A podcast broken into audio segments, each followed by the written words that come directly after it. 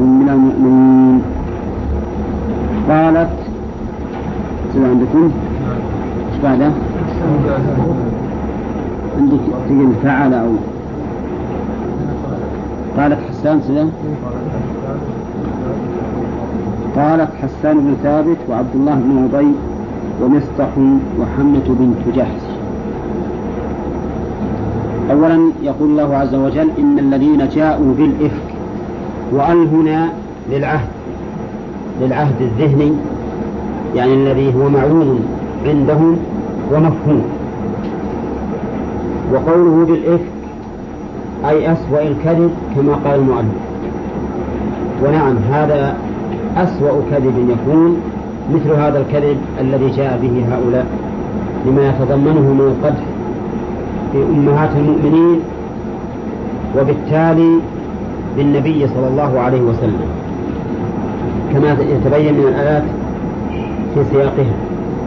وقوله عصبة منكم أي جماعة وقوله منكم الخطاب للمؤمنين وكونه منهم وكونه من المؤمنين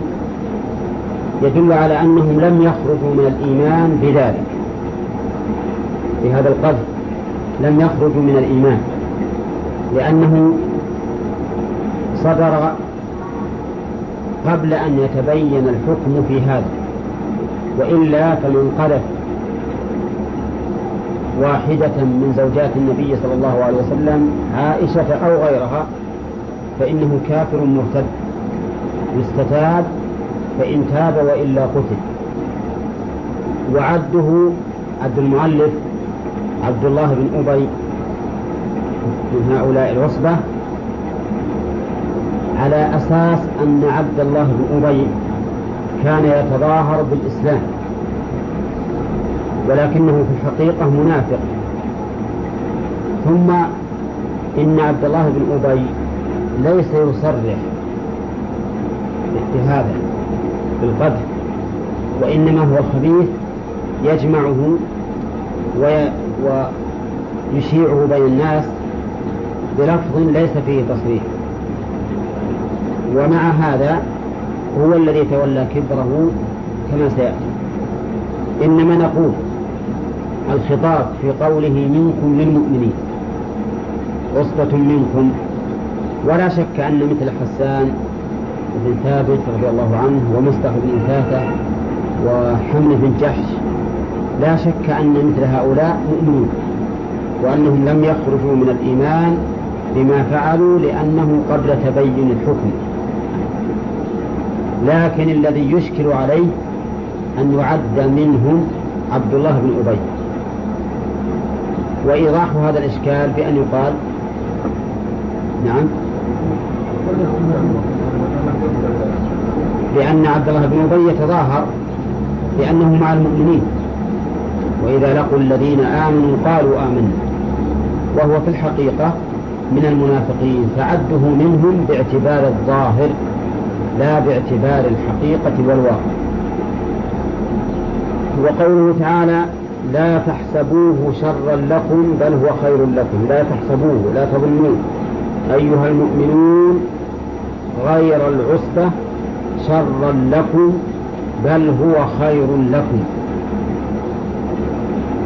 أولا الله تعالى يقول لا تحسبوه فنهى أن نظن بأن هذا الإفك شر لنا قبل أن يثبت أنه خير لماذا؟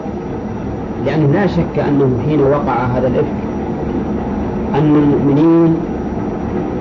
أصابهم ما أصابهم من الأذى وظنوا أن ذلك شر فأراد الله تعالى أن ينتزع هذا الظن من نفوسهم قبل أن يبين حكمه قال لا تحسبوه شرا لكم لأن هذا أول ما ينبغي معالجته بالنسبة لهذا الإفك وهو انتزاع ما يظنه بعض المؤمنين من أن هذا الإفك شر ثم بعد هذا بعد هذا الانتزاع تأتي المعالجة يقولون إن التخلية قبل التحلية التخلية قبل التحلية يعني معناه تخلية الشيء من القبح والتشويه قبل أن يحل بالشيء الجميل لأنك كونك تزيل الأشواك قبل أن تفرش أليس كذلك؟ فلهذا نهى الله أن نحسب هذا شرا حتى يقتلع ذلك من نفوسنا أولا ثم تكون مستعدة للتحلية ولإثبات ما يثبت ويتحدث عنه في شأن هذا الإثم تبين لهذا أنه ينبغي عند معالجة الأشياء أن نزيل أولا الأذى لنفتح الطريق أمام الخير حتى يلج لا تحسبوه شرا لكم وفيها أيضا أن نقول ينبغي أن نبدأ بأهم شيء وأهم شيء في هذا الأمر أن يزال ما في النفوس من ظن أن يكون هذا الإفك شرا بالنبي صلى الله عليه وسلم وفي آل أبي بكر وبالمؤمنين عموما لأن حقيقة الأمر لو, لو, لو وقع هذا وحاشا لله أن يقع لكان هذا شرا بالنسبة لآل أبي بكر وبالنسبة لنبي الله صلى الله عليه وسلم ولهذا ما يمكن للمؤمنين حقا أن يظنوا هذا الظن وأجلاء المؤمنين من الصحابة أنكروا ذلك وقالوا لا يمكن أن يكون وممن أنكره أسامة بن زيد رضي الله عنه وغيره أنكروا هذا أن يكون ولكن بعض الناس لكثرة الترويج والإشاعات والشيطان أيضا ثم ينفث في قلوبهم حصل منهم بعض الشك والصحابة المؤمنون انقسموا في هذا إلى ثلاثة أقسام قسم حصل منه ما حصل من الانحراف في هذا الأمر وقسم منهم أنكر ذلك إنكارا بالغا وقال هذا لا يمكن والقسم الثالث توقف توقف وشك في الأمر نعم لكن الأجلاء من الصحابة والمعظم منهم أنكروا ذلك كما ذكره أهل العلم لا تحسبوه شرا لكم بل هو خير لكم أولا كيف لا نحسبه شرا نحن نؤمن بذلك لأن الله قال لا تحسبوه شرا وإن كان الإنسان قد يظن بادئ ذي بدء بأنه بأنه بأنه شر وهذا شيء معروف إن واحد يقذف يقذف أهلك أول ما تظن تعرف أن هذا شر موجه إليك هذا أمر مسلم به فلما قال الله لا تحسبوه شرا لكم انتهت المشكلة هذه وقضي عليها بنهي الله عز وجل العليم بما سيكون لأنه ليس بشر بقي أن قال بل هو خير لكم نحن نؤمن بهذا أيضا وأنه خير خير لنا لكن ما هو الخير الذي ظهر في هذا الإفك نقول الخير الذي ظهر في هذا الإفك خير ليس له نظير حيث ظهرت براءة أم المؤمنين عائشة رضي الله عنها ونزاهته ظهورا لا لا يعادله شيء شهد الله لها بالبراءة من فوق عرشه تبارك وتعالى ثانيا ظهر بذلك نقاء وطهر فراش النبي صلى الله عليه وسلم وأنه لا يمكن لفراش النبي صلى الله عليه وسلم أن يتدنس بهذا ثالثا من الخير الأجر العظيم الذي ترتب على ما أصاب المؤمنين في هذه الحادثة من الأذى والمشقة والجهد الجهيد حتى إنه من حكمة الله عز وجل أن الوحي انقطع شهرا شهرا كاملا ما نزل على النبي صلى الله عليه وسلم وحي لأجل أن يتمحص المؤمن من المنافق ولأجل أن يشتد اشتياق المؤمنين إلى بيان الله سبحانه وتعالى في هذه القضية العظيمة الهامة ولأجل أن يزداد أجرهم بهذه في هذه المدة ثم إن فيها أيضا من الخير رفعة شأن النبي صلى الله عليه وسلم وهذا فوق قولنا نزاهة فراشه وطهارته رفعة شأنه وكون الله سبحانه وتعالى بنفسه يدافع عنه ثم فيه أيضا من الخير تأديب المؤمنين وعظتهم بما ينبغي أن يكونوا عليه من عدم إطلاق القول والتجرؤ على أعراض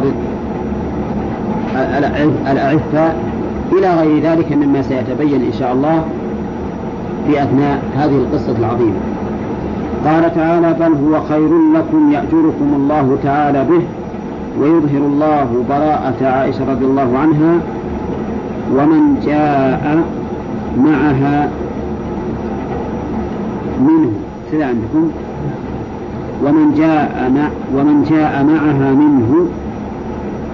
وهو صفوان فإنها قالت كنت إلى آخره هذا أيضا من الخير لصفوان بن المعطل رضي الله عنه أنه إذا أنزل الله براءة عاش من ذلك وكان هو الذي رماه المنافقون بها وشهر من ذلك براءة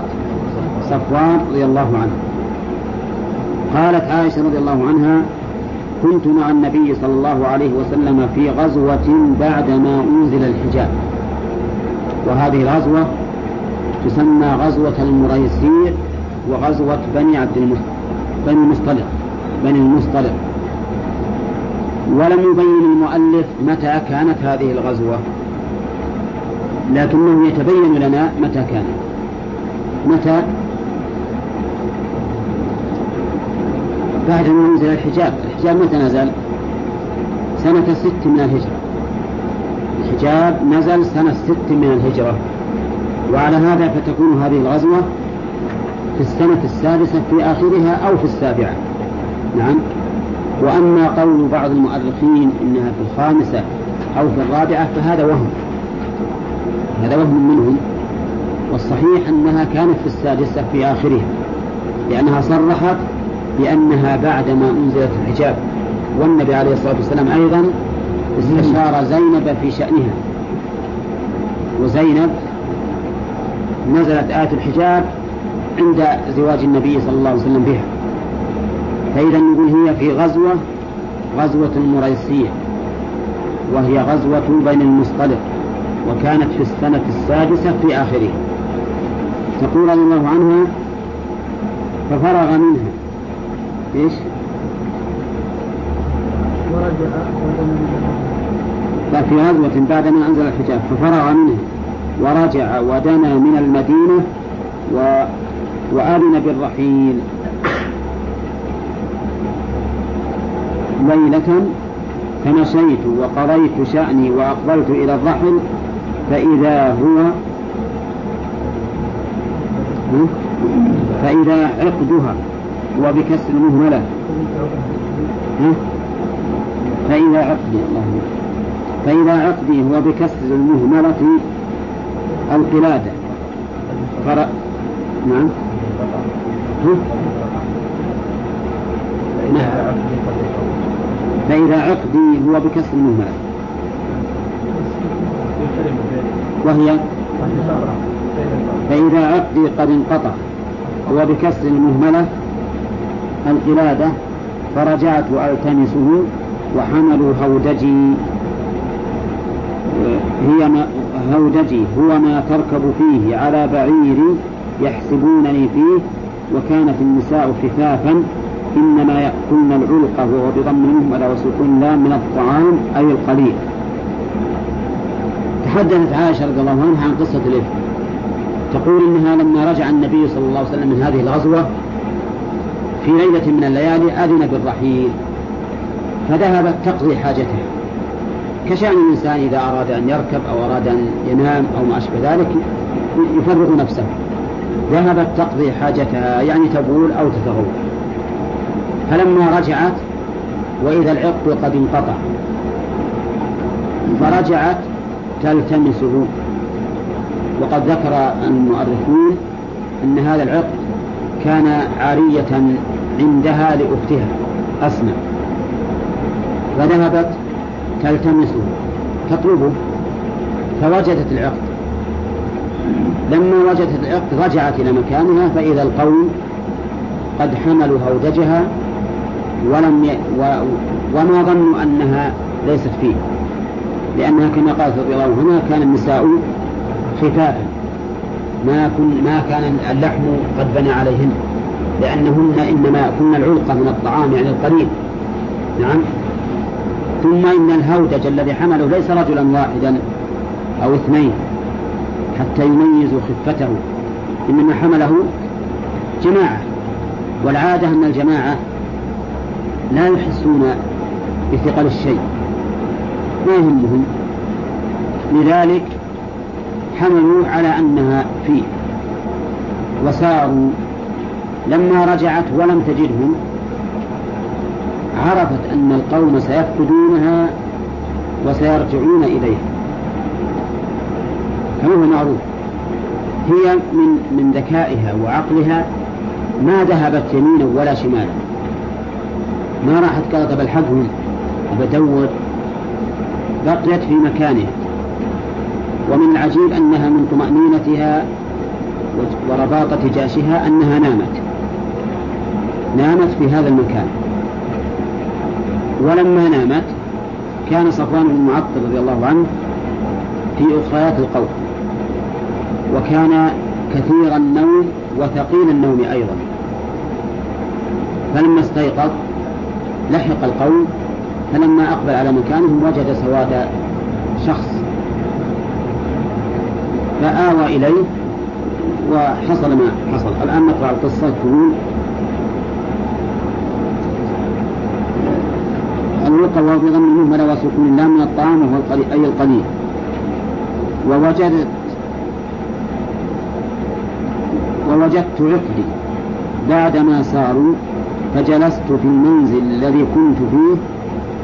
وظننت أن القوم سيفقدونني ويرجعون إلي فغلبتني عيناي فنمت وكان صفوان قد عرس من وراء الجيش بدلت هنا بتشديد الراء يعني عرس والدال الدلج أي نزل من آخر الليل للاستراحة هذا معنى عرس عرس يعني نزل في آخر الليل للاستراحة تقول للاستراحة فسار منه أي من مكانه فأصبح في منزله أي في منزل الجيش فرأى سواد إنسان نائم أي شخصه فعرفني حين رآني وكان يراني قبل الحجاب فاستيقظت باسترجاعه حين عرفني أي قوله إنا لله وإنا إليه راجعون فخمرت وجهي يعني غطيته بجلبابي أي غطيته بالملاءة والله ما كلمني كلمة ولا سمعت منه كلمة غير استرجاعي حين أناخ راحلته ووطئ على يدها فركبتها فانطلق يقودني يقود بي الراحلة حتى أتينا الجيش بعدما نزلوا منذرين إلى آخره رضي الله عنه لما رأى سواد الشخص أقبل إليه فلما أقبل وإلى أم المؤمنين عائشة رضي الله عنها نائمة ولم تغطي وجهها لأن ما حولها أحد فعرفها رضي الله عنه وكان قد رآها قبل الحجاب فعرفها فقال إنا لله وإنا إليه راجعون ثم أناخ بعيره ووطئ على ركبته حتى ركبت ولم يكلمها بكلمة ما كلمها بكلمة وإنما استرجع رضي الله عنه خوفا مما وقع توقع أمرا فوقع لأن امرأة في ثلاث من الأرض وحدها ويأتي بها رجل متأخر عن الجيش وهي متأخرة عنه هذا لا شك أنه بلية وابتلاء من الله عز وجل ولهذا رأى أنه مصيبة رضي الله عنه فاسترجع ولكن لعفته وتعظيمه النبي صلى الله عليه وسلم وتعظيمه أم المؤمنين رضي الله عنها ما كلمها ولا بكلمة حتى ما قال اركبي ولا قال ما الذي خلفك ولا قال لا بأس عليك ما تكلم بكلمة إطلاقا احتراما لفراش النبي صلى الله عليه وسلم واحتراما له وإنما أناخ البعير ووطئ على ركبته حتى ركبت رضي الله عنها فذهب يقود بها حتى أتى الجيش أتى متى؟ يقول منزلين منزلين في نحر الظهيرة أي من أوغر واقفين في مكان وغر في شدة الحر هذا من الواغر شدة الحر حتى عندنا الآن في لغتنا العامية يقولون والله اليوم حر واغرة واغرة يعني شديدة الحر يقول فه... تقول فهلك من هلك فيه وكان الذي تولى كبره منهم أب... الذي تولى كبره منهم عبد الله بن أبي عبد الله بن أبي ابن سلول انتهى قولها ايش؟ رواه الشيخان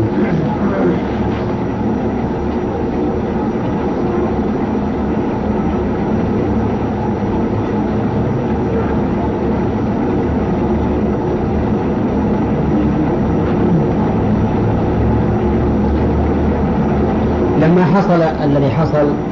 هذا وجد عبد الله بن أبي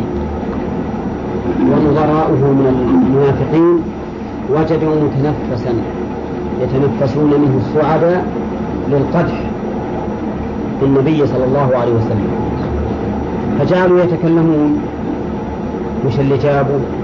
وش اللي, اللي خلفوا وش اللي تخلف عائشة ثم صاروا يشون الحديث ويصوغونه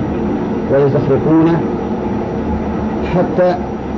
شاع الخبر وانتشر النبي عليه الصلاة والسلام تألم ولا بد أن يتألم تألم في الحقيقة من وجهين أولا أن عائشة رضي الله عنها فراشه وأحب نسائه إليه وهو يحبها وهي تحبه والشيء الثاني أنها ابنة أعز الناس إليه أبي بكر الصديق رضي الله عنه فكيف يقع هذا الأمر وكيف يكون ولذلك ضاقت على النبي صلى الله عليه وسلم الضائقة حتى إنه مع شدة صبره ومع فهمه لأهله ونزاهتهم وبعدهم عما رموا به حتى إنه دخل عليه شيء مما دخل فصار يستشير بعض أصحابه هل يفارق عائشة أو لا يفارق منهم من لا يشير من يشير عليه بعدم المفارقة ويقول أهلك يا رسول الله لا نعلم إلا خيرا ومنهم من أشار عليه بالمفارقة لما رأى من تأذيه صلى الله عليه وسلم وقال إنه إذا فارقها يستريح وممن أشار بذلك علي بن أبي طالب رضي الله عنه ابن عم النبي عليه الصلاة والسلام لأنه قريب من النبي عليه الصلاة والسلام ورأى من النبي عليه الصلاة والسلام مشقة عظيمة وأذى كبيرا فقال لعله إذا طلقها يستريح ويطمئن لكن كبار الصحابة رضي الله عنهم قالوا هذا أمر لا يمكن نعم وممن أشار إليه أشار عليه أسامة بن زيد بأن يمسكها ولا يطلقها على كل حال بقي الأمر هكذا في زعزعة وقلق وشدة إلى تمام الشهر عائشة رضي الله عنها ما كانت تعلم فيما يقول به الناس ولا تدري عن شيء لأنها كانت مريضة وكانت في بيت والدها ولا علمت بشيء إلا في آخر الأمر في آخر الأمر خرجت تقضي حاجتها فعثرت عثرت فقالت لها أمها أم رومان تعس مصبح تعس مصبح لأن أمها أيضا ما في قلبها إلا ما حصل وإنما خصت مصطح ابن عثاثة من بين الذين قالوا ما قالوا لأنه كان ابن خالة أبي بكر قريبا منه كان المفروض أن مثله يدافع عن عن هذه القضية لقرابته لكن كان أمر الله قدرا مقدورا لما قالت فارس المصطح استغربت عائشة رضي الله عنها إن أم نعم تقول في مصطح ما تقول مع أنه ابن خالة أبي بكر فسألت ما شأن ما الأمر فأخبرتها بالأمر وقالت إن الناس يقولون في هذا الأمر منذ كذا وكذا فازداد ألمها ألما ومرضها مرضا حتى جعلت تبكي ما تنام رضي الله عنها وحق لها أن تفعل هذا لأن الأمر عظيم فجاء النبي عليه الصلاة والسلام ذات يوم إليهم وتقول أنها أيضا قد استنكرت من النبي صلى الله عليه وسلم لأن كان تعتاد منه لين الجانب والتحفي بالسؤال إذا مرضت ودخل عليها يسأل ويتحفى أما في هذه المرة ما كان يتحفى بل يقول كيف تيكون ويجلس قليلا ثم يخرج في يوم من الأيام كان قد جاء وقال كيف تيكم على العادة فبينما هو جالس إذ نزل عليه الوحي بالفرج من الله عز وجل وببراءة عائشة رضي الله عنها فلما سري عنه وإذا هو يضحك عليه الصلاة والسلام فقال لها أبشري يا عائشة فقالت منك يا رسول منك أو من الله قال بل من الله فقالت الحمد لله ثم انتهت قصة الإفك ولكن حصل ما حصل فيها من هذا البلاء العظيم يقول الله عز وجل لكل امرئ منهم أي عليه ما اكتسب من الإثم في ذلك لكل امرئ منهم أي من هؤلاء العصبة ما اكتسب من الإثم قال المؤلف أي عليه فتكون اللام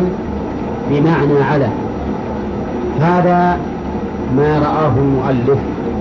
أن اللام بمعنى على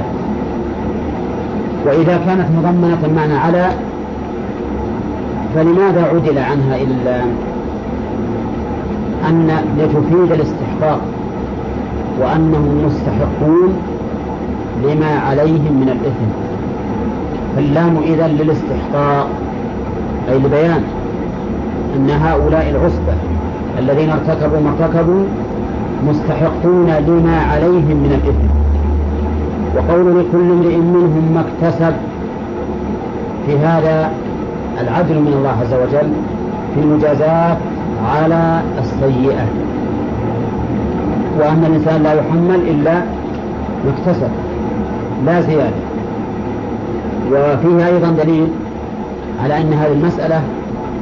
ليسوا مشتركين في إثم واحد بل كل واحد له إثمه الكامل فيما اشترك فيه من هذه هذه القضية وقوله والذي تولى كبره منهم له عذاب عظيم الذي تولى كبره أي تحمل معظمه معظمه فبدأ بالخوض فيه وأشاعه وهو عبد الله بن أبي له عذاب عظيم هو النار في الآخرة الذي تولى كبره أتى بالجملة على هذه الصفة للمبالغة ما قال ولمن تولى كبره منهم عذاب عظيم ما قال ولمن تولى كبره منهم عذاب عظيم بل قال والذي تولى كبره منهم له عذاب عظيم جعلها في الحقيقة جملتين جملتين في جملة لأن الذي مبتدأ وله خبر مقدم وعذاب عظيم مبتدأ ثان فكأنها صارت الجملة جملتان لبيان الأهمية والتأكيد والإشارة إلى أن توليه لهذا الشيء أمر عظيم والذي تولى كبره تولى الشيء بمعنى احتفى به وأولاه عنايته وقوله كبره أي معظمه فكبر الشيء بمعنى معظمه يعني ابتدأ به وصار يغذيه وينميه ويذكره في المجالس ويغر الصدور به وهو عبد الله بن أبي عبد الله بن أبي وهو جدير بمثل هذه الخسة لأنه منافق بل هو رأس المنافقين وهو يتمنى أن يقع مثل هذا الأمر ليجد فيه منفذا للطعن بالنبي صلى الله عليه وسلم وبفراشه وب... وب... وبخاصة أصحابه لعنه الله يقول له عذاب عظيم عذاب مش معنى العذاب عقوبة وعظيم بمعنى عظيم في قدره وعظيم في نوعه وجنسه وعظيم في أمده فإنه والعياذ بالله في الدرك الأسفل من النار لا يوجد أحد من أهل النار أسفل من المنافقين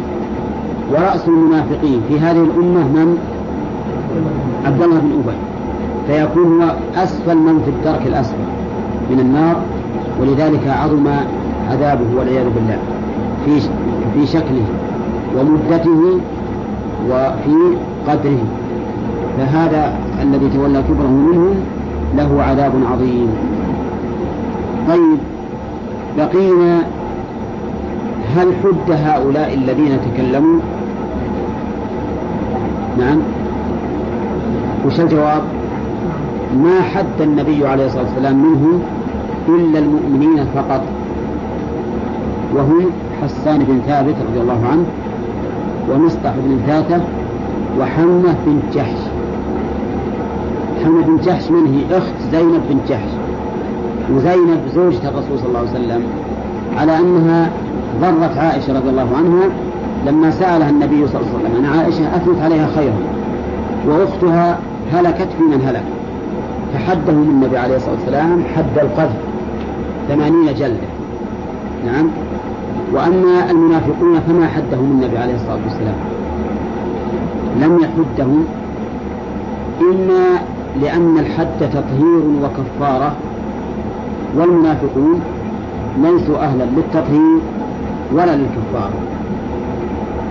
وهذا تعليل واضح وإما واضح من حيث المعنى لكن من حيث الواقع قد يكون غير واضح لأن المنافقين يظهرون أنهم مسلمون فكان ينبغي أن تجرى عليهم أحكام الإسلام الظاهرة وتلك سرائرهم إلى الله عز وجل وقال آخرون إنما لم يحدهم النبي عليه الصلاة والسلام لأنهم ما كانوا يصرحون هم يصرحون يقول إن صفوان فعل بعائشة مثلا ولكنهم كانوا يجمعون الحديث ويصوغونه بعبارات تعطي هذا المعنى لكن بدون تصريح ومعلوم أن من لم يصرح بالزنا فهو ما يقذف ما, ما يحدد القذف فلذلك لم يحدهم النبي صلى الله عليه وسلم ويجوز أن يكون الرسول عليه الصلاة والسلام ترك حدهم بهذا ولغيره قد يكون مثلا ترك حد عبد الله بن أبي لأنه رأس المنافقين ويخشى كان زعيما في قومه فيخشى أن يكون بذلك فتنة كبيرة وحد القذف على القول بأنه للآدمي يجوز إسقاطه إذا أسقطه من, من هو له لكن الذي يظهر والله أعلم أن السبب في ذلك أن المنافقين كعادتهم المنافق يلوذ ولا يستطيع أن يصرح وعادته الخداع في كل شيء فتجدهم لا يصرحون ولكن يحومون حول الشيء حتى يملأوا قلوب الناس منه ولهذا الصحابة الذين هم يعني صرح صرحوا بما بما ظنوه وإن كان ظنا باطلا لكن على كل حال هم ظنوا هذا فصرحوا به حدهم النبي صلى الله عليه وسلم حد القتل ثم قال الله تعالى لولا إن سمعتموه لولا يقول المؤلف هل إذ حين سمعتموه ظن المؤمنون والمؤمنات بأنفسهم أي ظن بعضهم ببعض خيرا وقالوا هذا إفك مبين بين فيه التفات نعم كذب بين نعم إفك مبين كذب بين لولا إذ سمعتموه يقول الشارح لولا بمعنى هلا فهي أداة تحضير أداة تحضير وفيها شيء من التوبيخ فيها شيء من التوبيخ حيث ظنوا سرب هذا يعني سلب المساحة حيث ظنوا أمرا لا ينبغي أن يكون آه، يعني هل لا إن سمعتموه أي سمعتم هذا الخبر الذي فشى ولا أصل له ظن المؤمنون والمؤمنات بأنفسهم خيرا أولا ظن المؤمنون والمؤمنات يقول المؤلف فيه التفات من الخطاب يعني إلى الظاهر لولا إذ سمعتموه وش مقتضى السياق أن يقال ظننتم بأنفسكم خيرا لولا إذ سمعتموه ظننتم بأنفسكم خيرا لكنه قال ظن المؤمنون والمؤمنات بأنفسهم خيرا فالتفت من من الخطاب إلى الظاهر يعني من ضمير الخطاب إلى الاسم الظاهر وقد مر علينا سابقا أن للالتفات فائدتان فائدتين على الأقل ما هما؟ التنبيه هذا واحد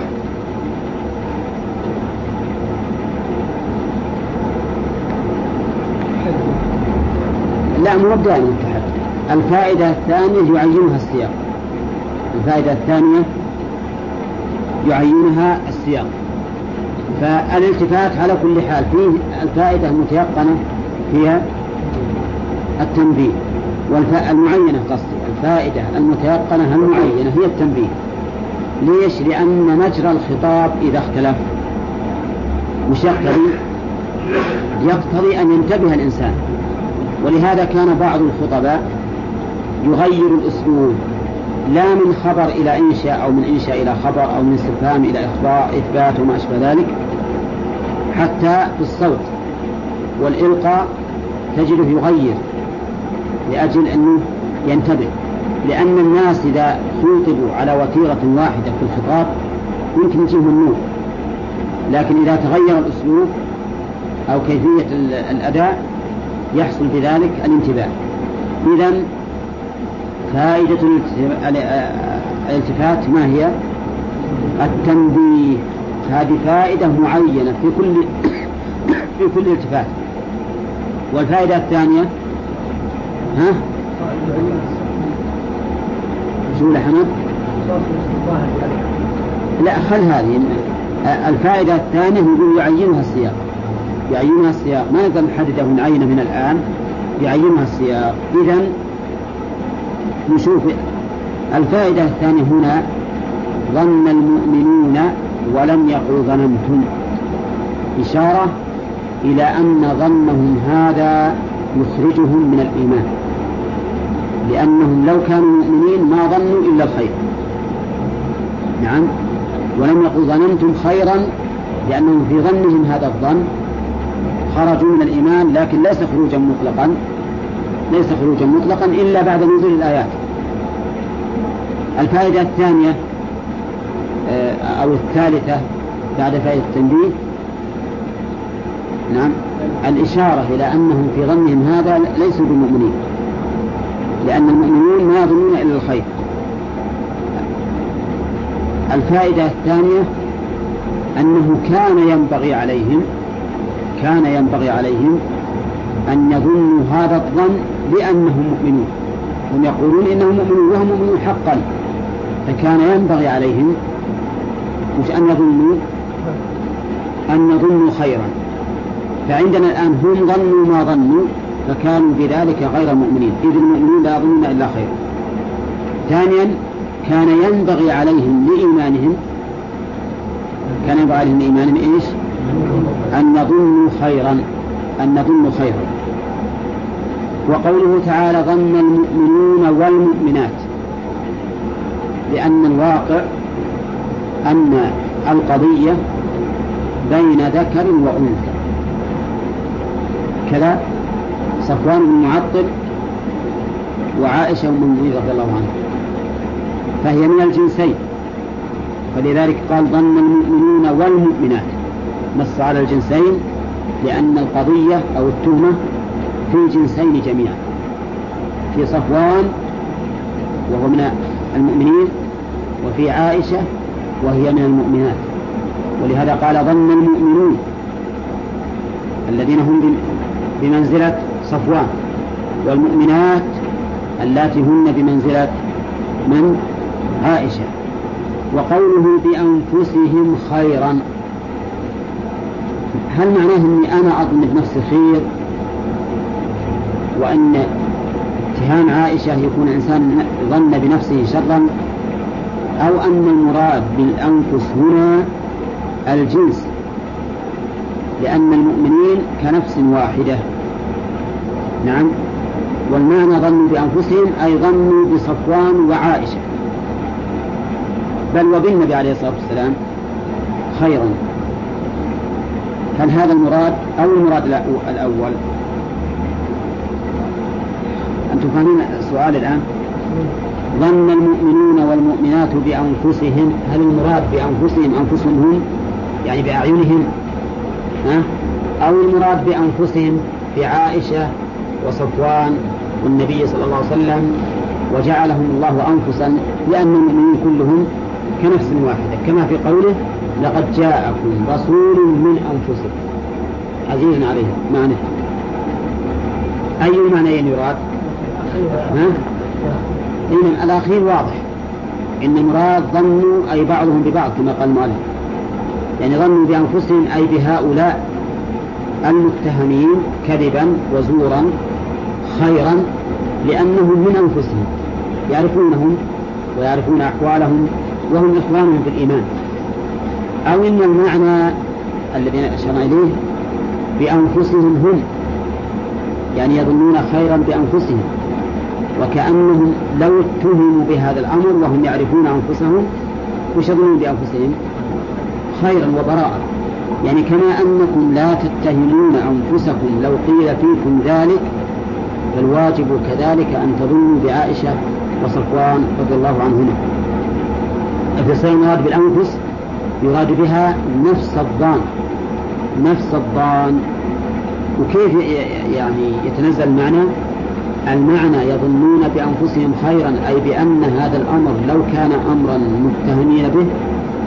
لكانوا يعرفون أنفسهم ولا, ولا يمكن أن يصدقوا بهذا الأمر لأنهم يعرفون أنهم نزيهون منه وبريئون منه على كل حال المعنيان محتملان محتملان وكلاهما له وجه صحيح فعائشة وصفوان من أنفس المؤمنين لأن المؤمن مع أخيه كنفس واحد والذي يظن بأم المؤمنين وصفوان خلاف ما ينبغي كأنما ظن في نفسه يعني فكما أنك تعرف نفسك ولا تظن فيها مثل هذا الظن فكذلك يجب أن تعرف أم المؤمنين وصفوان فلا تظن فيهما ما تظن إلا ما تظن بنفسك يعني كما أنك لا تظن بنفسك إلا خيرا كذلك لا تظن بأم المؤمنين وصفوان إلا خيرا بأنفسهم خيرا وقالوا هذا إفك مبين قوله وقالوا معطوفة على ظن ظن المؤمنون وقالوا وفي هذا أنه يجب على المؤمن إبطال الباطل بقلبه مش بعد وبلسانه ما يكفي أنك تعتقد أن هذا مو صحيح بل يجب أن تبين بطلان هذا الشيء لأن اللي يعتقد أن هذا الأمر غير صحيح ويسكت وش موقفه؟ موقفه سلبي في الواقع غاية ما هنالك أنه برا نفسه لكن الواجب أن يبطل الباطل ولهذا قال ظنوا ظن المؤمنون بأنفسهم خيرا إيش بعد؟ وقالوا هذا إفك مفيد لازم من ظن وقول ما يكفي أنك تعتقد أن ما قال ما قيل في عائشة وصفوان أنه إفك بل يجب أن تقول لماذا؟ لأجل أن نقابل هذا الباطل بالإبطال وأما أن نسكت نقول والله احنا نبرا إلى الله ونقول هذا مو صحيح أبدا ما يكفي هذا لابد أن نظن الخير مش بعد ونبطل مش نبطل الباطل وقالوا هذا إذا وقالوا معطوفة على ظن فهي داخلة في التحضير أي أن الله تعالى يقول الواجب أن يظنوا الخير مش بعد وأن يبطلوا ذلك أبلغ في التوبيخ فإنك إذا تحدثت لصاحبك بصيغة الغائب صار ألطف وأهون وإذا أتيت بعد ذلك بصيغة الخطاب صار أبلغ سواء كان ذلك مدحا أم ثناء نعم فمن الثناء الحمد لله رب العالمين الرحمن الرحيم مالك يوم الدين ثم قال إياك نعبد إياك نعبد فأثنى على الله المصلي أثنى على الله بالأول بصيغة الغائب الحمد لله ثم بصيغة إياك نعبد المخاطب كأنه بعد الثناء كأنه بعد الثناء صار حاضرا بين يدي ربه فقال إياك نعبد إياك نعبد إذا الالتفات هنا من الغيبة إلى الخطاب فائدته التنبيه وقوة التوبيخ لأن الخطاب أبلغ انظر إلى قوله تعالى عبس وتولى أن جاءه الأعمى وما يدريك لعله يزكى تعال هنا يا محمد عبس وتولى أن جاءه الأعمى وما يدريك لعله يزكى بالأول عبس للغائب ثم قال وما يدريك وما يدريك لأنه النبي عليه الصلاة والسلام كأن الله سبحانه وتعالى لم يشأ أن نخاطبه بهذا اللفظ عبست وتوليت بل عبس وتولى حتى تبين ثم قال وما يدريك لعله يزكى هذه مثلها المهم أنه إذا انتقل من صيغة الغيبة إلى صيغة الخطاب فله فائدة التنبيه وزيادة فائدة أخرى تستفاد من السياق طيب اتلقونه بألسنتكم يعني أنه يرويه بعضكم عن بعض تلقى الشيء بمعنى استقبله وأخذه فهم يتلقونه بألسنتهم ويقولون بأفواههم ما ليس لهم به علم الفرق بين وتقولون بأفواهكم وتلقونه بألسنتكم نعم التلقي أخذه من الغير تلقاه مثل تلقي الجلب يعني استقبالهم فالتلقي لاستقبال الكلام وتقولون بأفواهكم ذلك لإلقاء الكلام إلى الغير لإلقاء الكلام إلى الغير وفيه إشارة إلى أن هذا القول لا يصل إلى القلب وإنما هو مجرد كلام باللسان مجرد كلام باللسان وذلك لتشكك كثير من الصحابة في هذا الخبر وسبق أن جمهورهم وفضلاءهم أنكروه من أول الأمر إذ تلقونه بألسنتكم وتقولون بأفواهكم ما ليس لكم به علم وفي هذا من التوبيخ ما فيه أن يقول الإنسان بفمه بأفواه جمع فاه وهو الفم تقول بفمك ما ليس لك به علم طيب إذا قال قائل أليس القول بالفم أليس القول بالفم لماذا قال تقولون بأفواهكم مع أن القول لا يكون إلا بالفم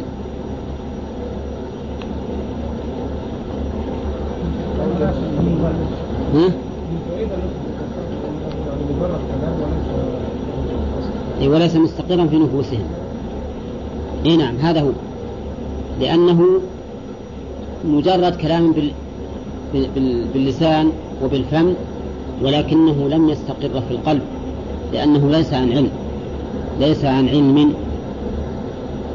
و... وقد يقال إن هذا من باب التأكيد كما في قوله مشى برجله إلى فلان تحقيقا للمشي يعني أنه قول محقق تقولونه قولا صريحا وليس معناه وليس ذلك ظنا في النفس فإن القول يطلق على الظن وكذلك ومثله أيضا ولا طائر يطير بجناحيه إلا أم مثاله فإن طائر يطير بجناحيه معلوم أن الطائر ما يطير إلا إلا بجناحيه نعم ولا طائر يطير بجناحيه إلا أم أمثالكم فعلى كل حال نقول إن قوله بأفواهكم إما أن يراد به تحقيق القول وأنه ليس مجرد ظن أو تخيل بل يقولونه صراحة بأفواههم وإما أن يقال إن هذا القول على مجرد الفم فقط ولا يصل إلى قرارة النفس لأنهم وإن كانوا يقولون لكن كأنهم مستبعدونه مستريبون في حقيقته وقوله ما ليس لكم به علم ما أكثر ما يقع هذا من الناس يفيد أنه لابد أن الإنسان لا يقول قولا إلا وله به علم ما يكفي أن تقول قولا لمجرد الظن ولا لمجرد الوهم أو التخيل لا تقل خصوصا في الأمور الخطيرة إلا فيما لك به علم ولهذا قال الله عز وجل في سورة الإسراء ولا تقف ما ليس لك به علم يعني لا تتبعه إن السمع والبصر والفؤاد كل أولئك كان عنه مسؤولا فأنت مسؤول عن سمعك وبصرك وقلبك اللي هو محل الظن والاعتقاد إذا لا تقل ما ليس لك به علم لا تتبع ما ليس لك به علم فلا بد من أن يكون الإنسان على علم وهذه تربية من الله عز وجل تفيد أن الإنسان يتثبت فيما يقول ليكون قوله معتبرا وليسلم من إثم القول بلا علم لا سيما إذا كان القول على الله فإنه لا أحد أظلم ممن افترى على الله كذبا أو كان القول في مثل هذه الأمور الخطيرة التي فيها فيها القدح بالنبي صلى الله عليه وسلم وآل بيته وأصحابه وبالتالي القدح في الدين لأنه إذا قدح في الرسول الذي جاء به فهو قدح في نفس الدين الذي أتى به هذا الرسول المقدح فيه قال الله تعالى وتحسبونه هينا يعني لا إثم فيه وهو عند الله عظيم في الإثم في هذه الجملة من تعظيم هذا الأمر ما فيه يعني تحسبون أن القول في هذا الأمر تحسبونه هينا وأنها كلمات تقال وتنقل لكنه عند الله عظيم عند الله عظيم ويتعاظم كلما كان الإنسان المقول فيه أبعد عما قيل فيه ولهذا قذف محصن فيه الحد وقذف غير المحصن فيه التعزيز يعني لو قذف إنسانا متهما بالزنا وليس عفيفا عزر فقط عليه السلام ولو قذف إنسانا معروفا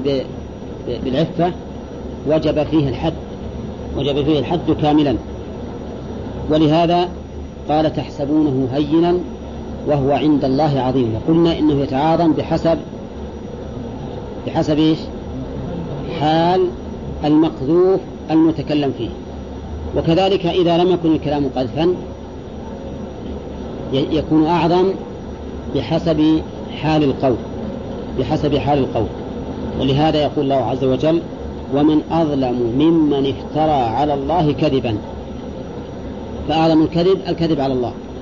ثم على رسوله صلى الله عليه وسلم وهكذا يتعاظم الكذب بحسب من نمي إليه الكلام ثم قال تعالى ولولا إذ سمعتموه قلتم ما يكون لنا أن نتكلم بهذا سبحانك هو للتعجب هذا بهتان كذب عظيم لولا بمعنى هلا وهي للتحقيق المشرب بالتوبيخ إذ سمعتموه وش الضمن يعود عليه على الإفك قلتم اقرب شوية يا أخي اقرب شوية لا تبع اقرب هنا انعطف بس قلتم هذه جواب لولا ما يكون لنا أن نتكلم بهذا ما يكون المؤلف ما ينبغي لنا واعلم أن كلمة ما يكون وكلمة ما ينبغي تأتي للشيء الممتنع عندما نعبر في, في كتب الفقه ولا ينبغي أن يفعل كذا وكذا وش المراد أن ذلك ليس بمستحب فقط لكن عندما تأتي ما ينبغي في كلام الله وكلام الرسول صلى الله عليه وسلم إنما يراد بها الممتنع غاية الامتناع الذي لا يصح ولا يليق كما في قوله تعالى وما ينبغي للرحمن أن يتخذ ولدا مش ما ينبغي يعني يعني يمتنع غاية الامتناع ولا يليق ولا يصح وكما في قول النبي صلى الله عليه وسلم إن الله لا ينام ولا ينبغي له أن ينام ايش معنى لا ينبغي له أن ينام أنه ممتنع لا يليق ولا يصح أن ينام سبحانه وتعالى لكمال حياته على كل حال ما يكون لنا أن نتكلم يعني ما ينبغي لنا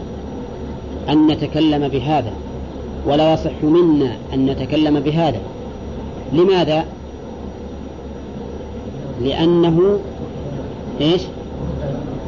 إيه لماذا هو ممتنع؟ لأنه لا يمكن أن الله سبحانه وتعالى يجعل يجعل هذا الأمر واقعا من أهل النبي صلى الله عليه وسلم لا يمكن أبدا يمتنع حسب ما تقتضيه حكمة الله عز وجل أن الله سبحانه وتعالى يجعل هذا الأمر واقعا من أهل الرسول صلى الله عليه وسلم لما في ذلك من من الأمر الذي لا لا يليق بحكمة الله عز وجل ولهذا قال ما ما يكون لنا أن نتكلم بهذا لخطورة الأمر وعظمه وفقه وقوله سبحانك هو للتعجب هنا هذا ليس ليس بصحيح انه للتعجب ولكنه للتنزيه البالغ يعني ننزهك يا ربنا أن يقع هذا من أهل بيت من أهل بيت رسولك صلى الله عليه وسلم سبحانك يعني تنزيها لك عما لا يليق بك ومنه أن يقع مثل هذا من أهل النبي صلى الله عليه وسلم فكلمة سبحانك في هذا الموضع من أحسن ما يكون بل هي أحسن ما يكون في الحقيقة ما كان ما يكون لنا أن نتكلم بهذا ليش؟ لأن ذلك ينافي تنزيهك ولهذا قالوا سبحانك أي سبحانك أن يقع هذا من أهل بيت نبيك صلى الله عليه وسلم نعم وليس للتعجب إنهم يتعجبون مما قيل لا بل إنهم ينزهون الله سبحانه وتعالى عما نسب إلى أهله عما نسب إلى أهله يعني تنزيها لك يا ربنا أن يقع مثل هذا في بيت رسولك صلى الله عليه وسلم فهذا المقام فهذا التنزيل في هذا المقام من أحسن ما يكون بل هو أحسن ما يكون هذا بهتان كذب عظيم هذا بهتان كذب لأن لأنه خلاف ما تقتضيه حكمة الله عز وجل وعظيم ليش وصف بالعظم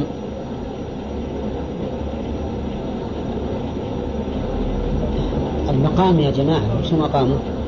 في أهل بيت الرسول عليه الصلاة والسلام أي بهتان أعظم من بهتان يكون فيه القدح بالنبي عليه الصلاة والسلام وأهل بيته وأصحابه عظيم واضح في لو كان هذا قذفا لفلان أو لفلان أو لفلان صار عظيما لكن ليس كعظم هذا ليس كعظم ما نسب للرسول عليه الصلاة لأهل الرسول صلى الله عليه وسلم فلذلك وصف بالعظم لأن محله يا عبد الله الحمود كمل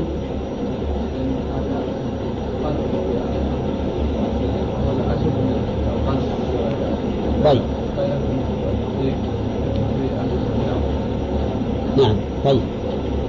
قال الله تعالى يعظكم الله ينهاكم أن تعودوا لمثله أبدا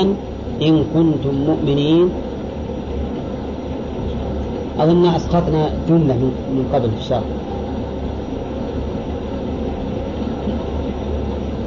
وفي قوله يتلقونه بألسنتكم أي آه، قال حذف من الفعل إحدى التائين أصله إذ تتلقونه بألسنتكم ولا يمكن أن نقول إن تلقى هنا فعل مضارع فعل مضارع آه، فعل ماضي قصد ما يمكن أن نقول إنها فعل ماضي فأنذرتكم نارا تلظى نعم ممكن أن يقال فيها فعل ماضي لكنها فعل مضارع هي أصلا تتلظى لكن هنا هل يمكن أن نجعل تلقى لأن تلقى فعل ماضي لو لو لو جاءت مجردة تلقيت الحديث تلقونه يمكن هنا نجعلها فعلا ماضيا فعلا ماضيا ولا ما يمكن؟ ها؟ من يقول ما يمكن؟ من يقول؟ أنت محمد؟ لا يمكن لماذا؟ لا لأن إذن التاريخ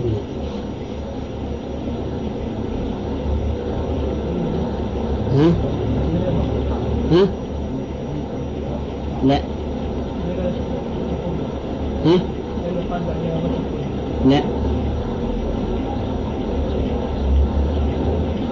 الفعل الماضي ما تأتي ما تأتي به الواو والنون الفعل الماضي ما تأتي فيه الواو والنون تأتي فيه الواو صحيح تلقوا لكن ما تأتي النون لأن النون من الأفعال الخمسة مضارع وهنا فيها النون ولا لا؟ ها؟ تلقون تلقونه فإذا هنا لا يجوز أن تكون فعلا ماضيا فيقينا أنه حذف منها إحدى التائين إحدى التائين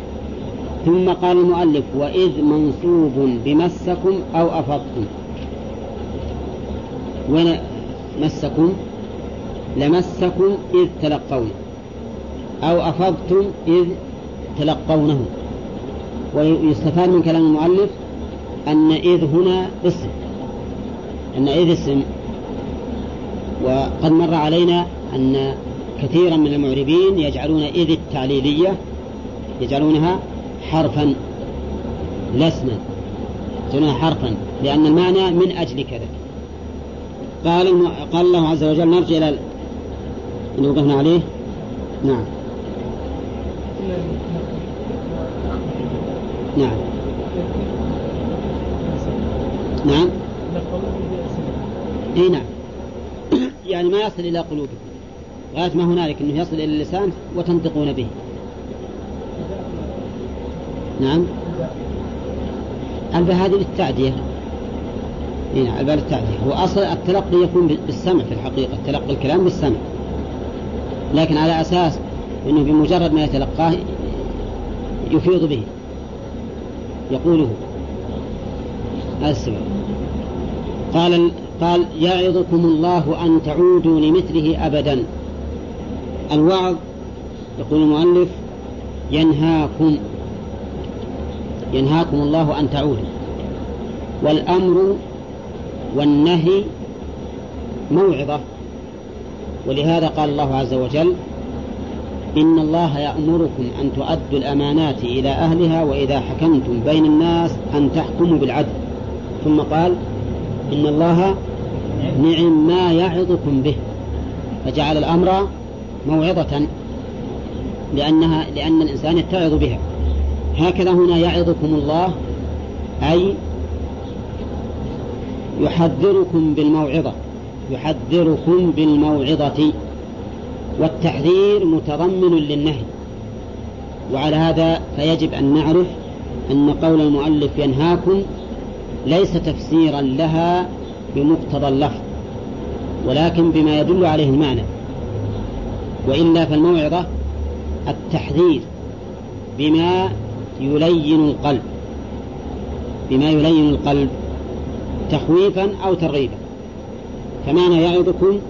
أن يحذركم الله سبحانه وتعالى أن تعودوا لمثله يعني من أن تعودوا ترجعوا لمثله أبدا يعني ما دمتم أحيا إن كنتم مؤمنين طيب إن كنتم مؤمنين هل هي شرط للموعظة ليعظكم أو لا أو جملة مستقلة والتقدير إن كنتم مؤمنين فاتعظوا بذلك يقول المؤلف إن كنتم مؤمنين إيش تتعظون بذلك هذه الجملة في الحقيقة إن قلت إنها شرط في قوله يعظكم يعظكم الله إن كنتم مؤمنين فإنه يجب أن نؤول الموعظة هنا بالموعظة النافعة لا بمجرد ذكر الموعظة لأن الموعظة, الموعظة لا تنفع إلا بشرط الإيمان وأما إذا قلنا إن الموعظة بيان ما, ما يتعظ به المرء فليس الإيمان شرط في ذلك فإن الله فإن موعظة الله ملقاة لكل أحد سواء كان مؤمنا أم غير مؤمن ولكن لا ينتفع بها إلا المؤمن يا أيها الناس قد جاءكم مو... قد جاءتكم موعظة من ربكم وشفاء لما في الصدور هذا عام وهدى ورحمة للمؤمنين فالحاصل أن نقول إن كنتم مؤمنين إن كانت قيدا في قوله يعظكم فالمراد بالموعظة الموعظة النافعة فإنها هي التي تنفع المؤمن وإن أريد وإن كانت إن كنتم مؤمنين مستقلة عما قبلها أو أو نقول وإن كانت الموعظة إلقاء ما به الوعظ للناس سواء انتفعوا أم لم ينتفعوا فإن قوله إن كنتم مؤمنين مستقلة وجوابها محذوف أي إن كنتم مؤمنين فاتعظوا بما وعظكم الله به وفيه إشارة إلى أنه لا ينتفع بالموعظة إلا المؤمنين على كلا الاحتمالين في إشارة واضحة على أنه لا ينتفع بموعظة الله إلا المؤمن أما غير المؤمن فإنه لا ينتفع ثم قال الله تعالى ويبين الله لكم آياته لكم الآيات في الأمر والنهي والله عليم بما يأمر به وينهى عنه حكيم فيه يبين بمعنى يظهر والآيات بمعنى العلامات الدالة عليه سبحانه وتعالى وقد مر علينا أن الآيات تنقسم يا عبد حجاج نعم نعم وهذه أن نعرفها كل نعم لا إلا وهي القرآن ما تضمنه وحي المنزل على رسله سواء القرآن أو غير القرآن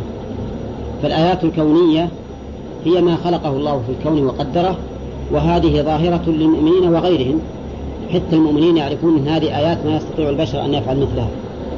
وآيات شرعية لا تتبين وتظهر إلا للمؤمنين قل هو للذين آمنوا هدى وشفاء والذين لا يؤمنون وش فيه في آذانهم وقر وهو عليهم عمل أولئك ينادون من مكان بعيد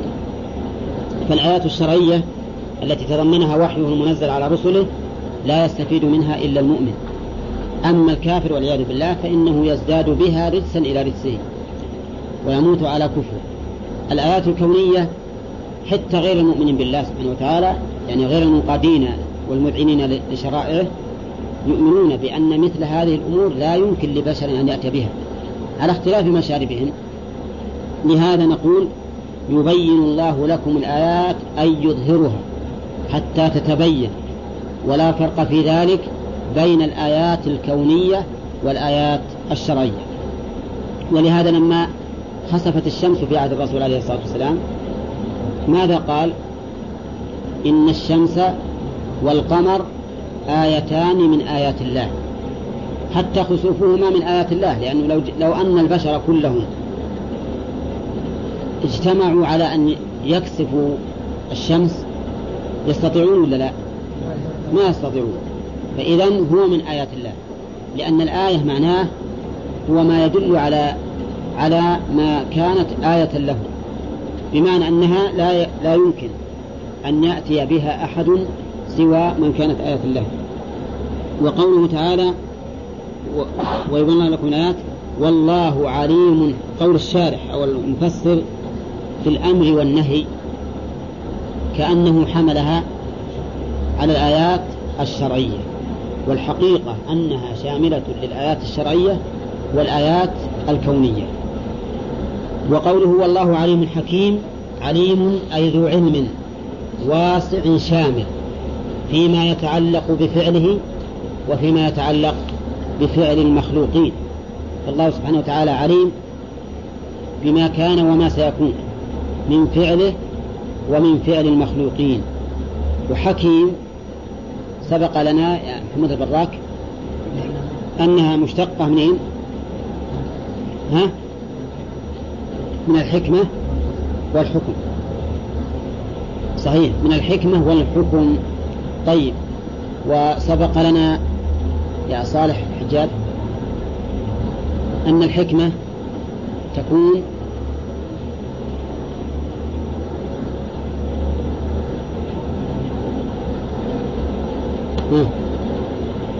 نسيت الحكمة تكون في هذا هو المطلوب إيه إيه إيه لا موضعها موضعها نعم ها لا لا نعم لا موضع الحكمة الشرع والقدر تكون أولا في الشرع والقدر فكل ما شرعه الله فإنه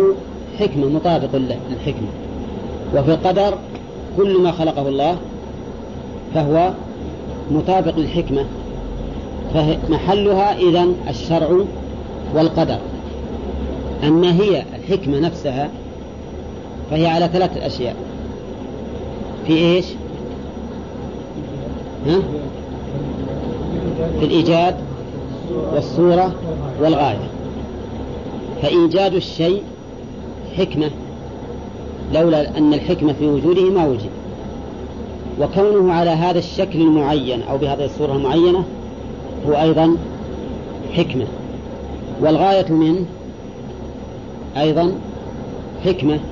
أفحسبتم أنما خلقناكم عبثا وأنكم إلينا لا ترجعون إذا ضربنا اثنين في ثلاثة كم تكون الشرع والقدر وكل منها إما في الإيجاد أو في الصورة أو في الغاية تكون الجميع ستة نعم أما الحكم فإنه ينقسم أيضا إلى قسمين كوني وشرعي مثال الكوني نعم الله الكوني هذا كوني لا لأن هذا لاحظ أنه ذكر بعد أن قال الله تعالى يا أيها الذين آمنوا إذا جاءكم المؤمنات مهاجرات فامتحنوهن الله أعلم بإيمانهن فإن علمتموهن مؤمنات فلا ترجعوهن إلى الكفار لا هن حل لهم ولا هم يحلون لهن وآتوهم ما أنفقوا ولا جناح عليكم أن تنكحون إذا تتمون أجرهن ولا تمسكوا بعصم الكوافر واسألوا ما أنفقتم ولا يسألوا ما أنفقوا ذلكم حكم الله يحكم بينكم وش يصير هذا؟ ها؟ شرعي لأن الأمور هذه اللي سبقت كلها تشريعات طيب نريد هذا مثال للشرع مثال للكوني إيه، قول أخي يوسف فلن أبرح الأرض حتى يأذن لي أبي أو يحكم الله لي وهو خير الحاكمين نعم طيب إذا كان الحكم كونيا أو شرعيا كله مطابق للحكمة فهل يلزم أن نعرف هذه الحكمة ولا ما يلزم ها؟ لا يلزم لكن يجب علينا أن نؤمن بأنه ما من شيء أوجده الله أو شرعه إلا وله حكمة لكننا لقصورنا يخفى علينا كثير من هذه الحكم نعم ويبين الله لكم الآيات والله عليم حكيم ثم قال الله تعالى إن الذين يحبون أن تشيع الفاحشة في الذين آمنوا لهم عذاب أليم في الدنيا والآخرة والله يعلم وأنتم لا تعلمون إن الذين يحبون أن تشيع الفاحشة باللسان إن الذين يحبون أن تشيع الفاحشة باللسان لهم عذاب أليم قلنا إن مثل هذا التركيب كونه يأتي بالجملة على جملتين يفيد ذلك التأكيد شوف إن الذين يحبون أن تشيع الفاحشة لهم ما قال إن للذين يحبون أن تشيع الفاحشة عذاب بل جعل المسألة جعلها جملتين صغرى وكبرى صغرى وكبرى فقول إن الذين يحبون أن تشاء فاحشة في الذين آمنوا لهم عذاب أليم هذه الكبرى وقول لهم عذاب أليم هذه الصغرى سمي الصغرى لأنها قائمة مقام الاسم المفرد إذ هي خبر والأصل في الخبر أن يكون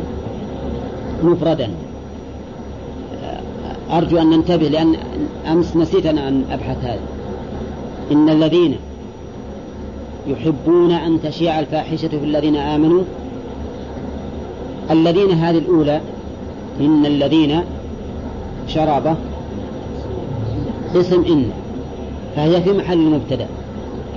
يحبون صلة الموصول أن تشاع الفاحشة بالذين آمنوا مفعول يحبون لهم خبر مقدم وعذاب مبتدا مؤخر والجملة خبر إن خبر إن إذا هذه الجملة نقول تضمنت جملتين صغرى وكبرى تمعني تمعني ولا لا طيب الكبرى المجموع إن الذين يحبون أن تشيع الفاحشة في الذين آمنوا لهم عذاب أليم هذه جملة كبرى والصغرى لهم عذاب أليم وسميناها صغرى وإن كانت مكونة من مبتدأ وخبر لأنها لأنها خبر فهي في مقام المفرد لأن الأصل في الخبر أن يكون مفردا تقول مثلا الطالب فاهم الطالب فاهم فاهم خبر المبتدا مفرد تقول الطالب له فهم صارت الآن ها صارت جملة والجميع جملتان كبرى وهو مجموعهما وصغرى وهو الجملة التي صارت خبرا نعم والله أعلم يمكن أن لأنها آيات كونية واقعة الليل والنهار والشمس والقمر والشرعية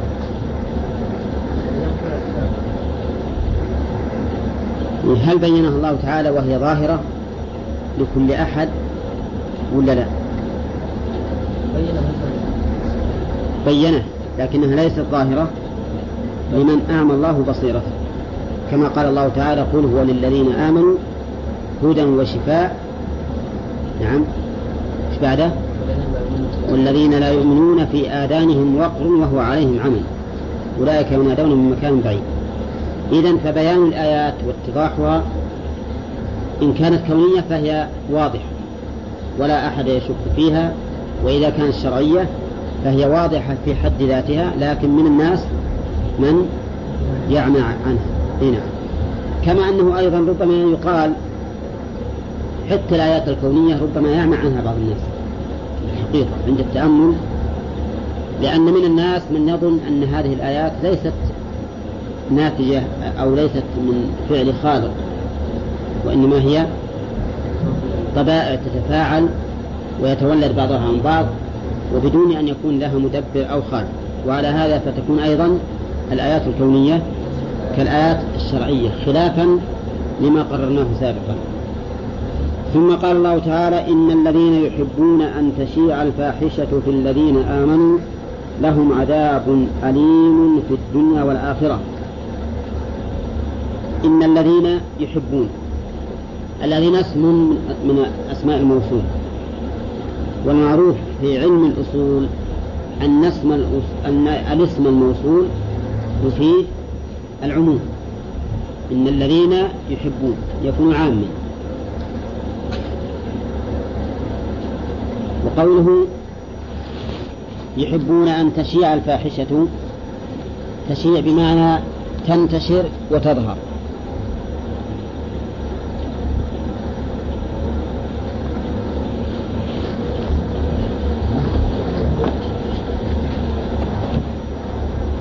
تنتشر وتظهر وقول المؤلف باللسان هذا تفسير للشيوع يعني تشيع بالقول وتظهر ويتداولها الناس ولكن الأظهر أنها أعم من الشيوع باللسان وأنها تشيع بالفعل بحيث يشاهدهم الناس وبالقول بحيث يشاع عنهم ذلك فهؤلاء الذين يحبون أن تشيع الفاحشة سواء يحبون أن تشيع بالقول كما أشار إليه المؤلف باللسان أو يحبون أن تشيع بالفعل بمعنى أن يظهر أمرهم ويتبين ويرون ويشاهدون وقوله لهم عذاب أليم في الدنيا والآخرة هذه جملة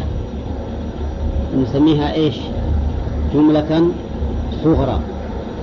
لأن إن الذين الذين اسم إن وهي في محل المبتدأ ولهم عذاب أليم جملة خبرية خبر إن وهذا يفيد التوكيد أوكد مما لو قيل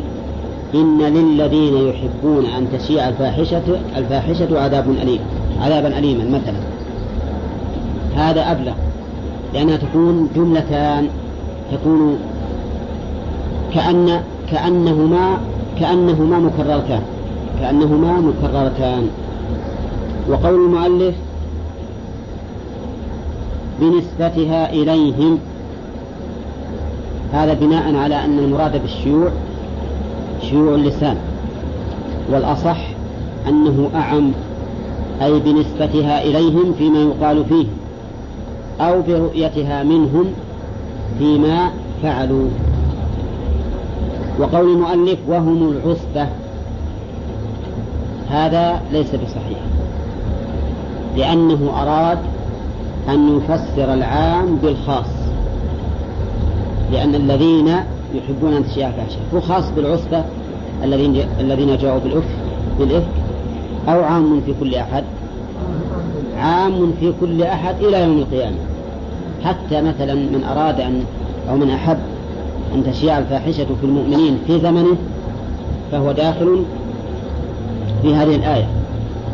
وتخصيص الآية بشيء لا لا دليل عليه هذا لا يجوز وقد قال أهل العلم إن العبرة بعموم اللفظ لا بخصوص السبب لكن يجب أن نعرف أن صورة السبب قطعية الدخول يعني إذا ورد لفظ عام لسبب خاص فإن السبب الذي وردت من أجله قطعي الدخول في هذا العام وغيره من أفراد العموم ليس قطعيا ولكنه ظاهر فيه ولكنه ظاهر فيه وبيان ذلك أن دلالة العام حطوا بالكم دلالة العام على كل فرد من أفراده قطعية ولا ظنية دلالة ظنية يعني ليست قطعا إذ يجوز أن يكون بعض الأفراد قد خصص بحكم يخالف هذا العموم ولهذا نقول دلالة العموم دلالة اللفظ العام على عمومه ظنية فأنتم لماذا نقول ظنية؟ الاحتمال أن يكون بعض أفراده قد خص إلا صورة السبب يعني الصورة التي هي سبب هذا العموم فهي قطعية الدخول لأنه ما يمكن أن نخرجها عن العموم وهو وارد من أجلها فمثلا لو قال قائل الذين يظاهرون منكم من نسائهم ما هن أمهاتهم إلى آخره لو قال قائل إنها لم تنزل إنه لا يدخل فيها أوس بن الصامت الذي ظهر من زوجته وهو سبب النزول ماذا نقول له نقول هذا غير صحيح قطعا هو داخل قطعا هو داخل لو قال قائل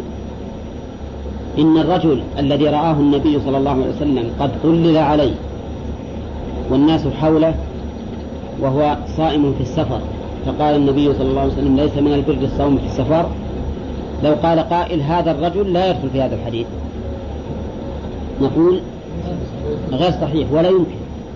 لأن الصورة التي هي سبب العموم قطعية الدخول غيرها ما هو قطعي لكن ظني المؤلف رحمه الله الآن فسر هذا العموم بالخاص يجوز ولا ما يجوز لا يجوز إذا وجد لفظ عام يجب الأخذ بعمومه وإن كان دلالته على جميع أفراده كما, سمع كما سمعتم ظنية لكن يجب الأخذ بعمومه حتى يرد دليل على التخصيص فنقول هذه الآية عامة في العسرة وغيرها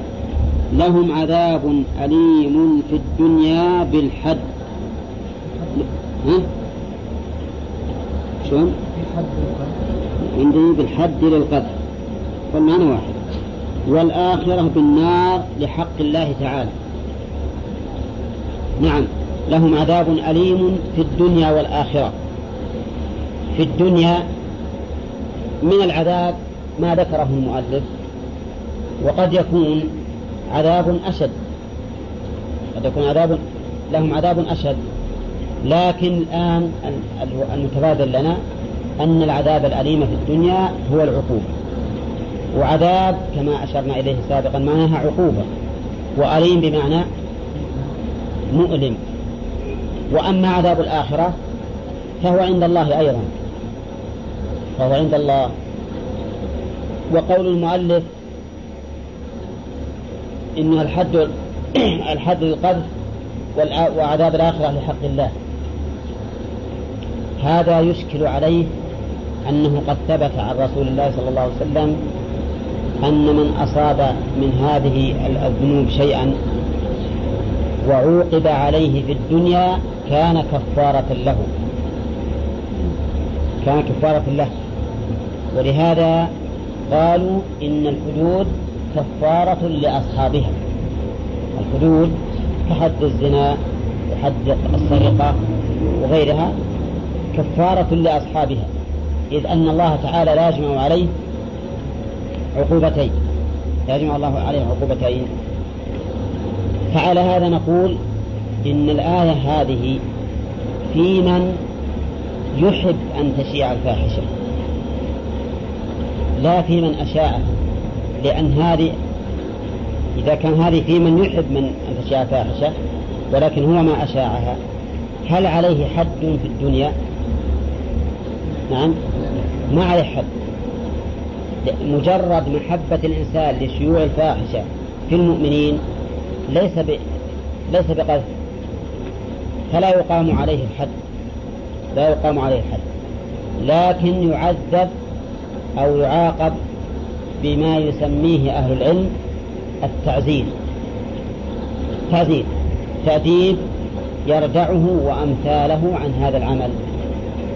عن هذا العمل وأما عذاب الآخرة فيقال إن هذا ما دام الأمر ليس بحد فقد لا فقد لا يعزى وحينئذ يكون العذاب عليه في الآخرة وأما من أقيم عليه الحد لمعصية من المعاصي فإنه يكون كفارة له كما ثبت ذلك عن رسول الله صلى الله عليه وسلم طيب إذا كان هذا الوعيد في من يحبون أن تشيع الفاحشة في المؤمنين فكيف يكون حال من أشاع الفاحشة أي نعظم محمود أي نار نعم؟ عبد الله الذي يشيع أشد من الذي يحب أن تشيع لأن الذي يشيع يحب ويفعل أحب وفعل إذ ما أشاع الشيء إلا لمحبته لشيوعه فيكون قد أحب وفعل والذي أحب قد لا يفعل ومع ذلك له عذاب أليم واضح نعم ثم قال الله تعالى والله يعلم وأنتم لا تعلمون والله يعلم انتفاءها عنهم وأنتم أيها العصبة لا تعلمون وجودها فيهم ها؟ ايش؟ لا تعلمون وجودها فيهم وأنتم أيها العصبة إيه. ما قلت لا تعنيني إيه، ما هي بما بما قلت من الافك